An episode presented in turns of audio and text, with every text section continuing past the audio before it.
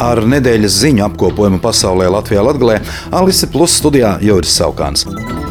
Tāpat kā pirms nedēļas, arī aizejošā nedēļa starptautiskajā arēnā ir bijusi visnotaļ mierīga. Pasaules vadošie mēdīji joprojām dažādos formātos cenšas uzturēt atbalstu Ukrainai tās cīņā par esošo teritoriju noturēšanu un okupēto zemju atgūšanu, taču vienlaikus ir lasām arī diezgan autoritatīvi viedokļi par to, ka, lai vai kā tur būtu ar Donbasu, taču Krievijas prezidenta Vladimira Putina sarkanās līnijas galvenokārt attiecas uz Krīmu.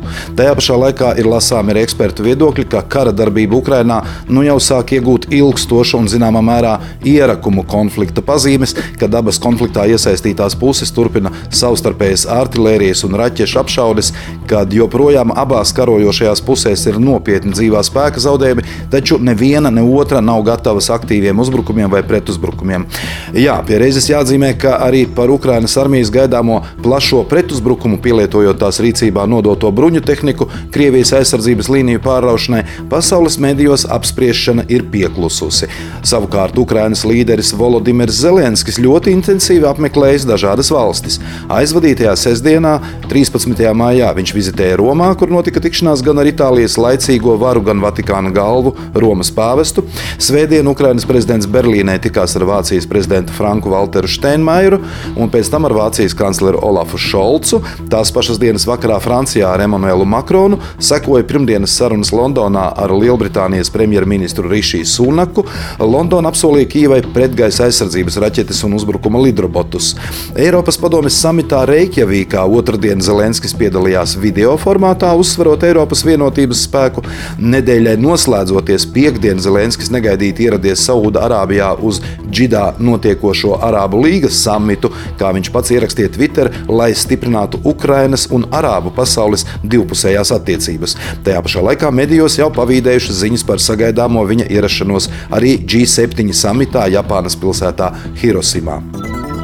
Turcijas prezidenta vēlēšanu pirmā kārta parādīja, ka esošais prezidents Reģeps Tajips Erdogans ir spēcīgākās pozīcijās nekā cerēja citi varas pretendenti. Turcijas ziņu aģentūra Anadolu vēsta, ka no Vācijā dzīvojošiem Turcijas pilsoņiem par Erdoganu nobalsojušas gandrīz divas trešdaļas vēlētāju. Analītiķi raksta, ka Erdoganam uzticību saglabājuši konservatīvi un reliģiski noskaņoti cilvēki, neraugoties uz ekonomiskajām nedienām, inflāciju un visbeidzot traģisko zemestrīci, kas atklāja, ka Turcija Turcijā būvniecības standartu kontrolē valda pamatīgs haoss un korupcija. Arī Eiropas drošības un sadarbības organizācija ir novērojusi, ka vēlēšanās Erdogans ar valdošajām partijām izmantojis netaisnīgas priekšrocības. Ģeopolitikas pētījumu centra direktors un vidzemes augstskolas prorektors Māris Anģāns izteicis prognozi, ka Erdogana pārvēlēšanas gadījumā Turcija turpinās spēlēt dubulto spēli. No vienas puses, kā NATO dalība valsts, kas parakstās zem visām vērtībām, bet vienlaikus bloķēs Zviedrijas pievienošanos pievienošanos aliansei, nepievienosies sankcijām pret Krieviju un turpinās divdomīgu politiku Ukrainas jautājumā. Arī Latvijas politikā, diemžēl, šī nedēļa nav iepriecinoša, jo rodas iespējas, ka maija pēdējā dienā gaidāmās valsts prezidenta vēlēšanas ir kļuvušas par dominējošo procesu. Saimā pārstāvētās partijas ir pieteikušas trīs kandidātus. Apvienotais saraksts virza uzņēmēju Uldi Pīlēnu, jaunā vienotība ārlietu ministra Rinkēviča kandidatūru, bet progresīvie publiskās pārvaldības eksperti Pinto. Pagaidām nevienam no šiem kandidātiem nav skaidra balsu vairākuma, lai uzvarētu vēlēšanās, taču, piemēram, neatkarīgā rīta avīze jau raksta par pieņēmumu par jaunās vienotības, zaļo un zemnieku savienības un progresīvo iespējamo jaunās valdības kodolu. Taču tiek apšaubīts, ka ar tikai 52 saimas deputātu balsīm šiem trim spēkiem pietiktu jaudas valstī nepieciešamo reformu veikšanai. Tāpat jāņem vērā apvienotā saraksta un Nacionālās apvienības apņemšanās nepievienoties tādas valdības tapšanā, kuras kodols būtu jaunā vienotība, ZZS un progresīvie.